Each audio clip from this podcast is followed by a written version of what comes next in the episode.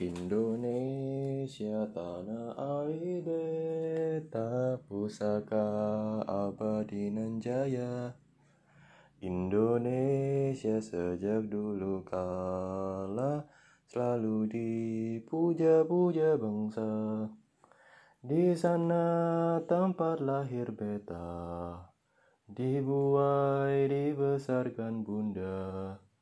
Tempat di hari tua Sampai akhir menutup mata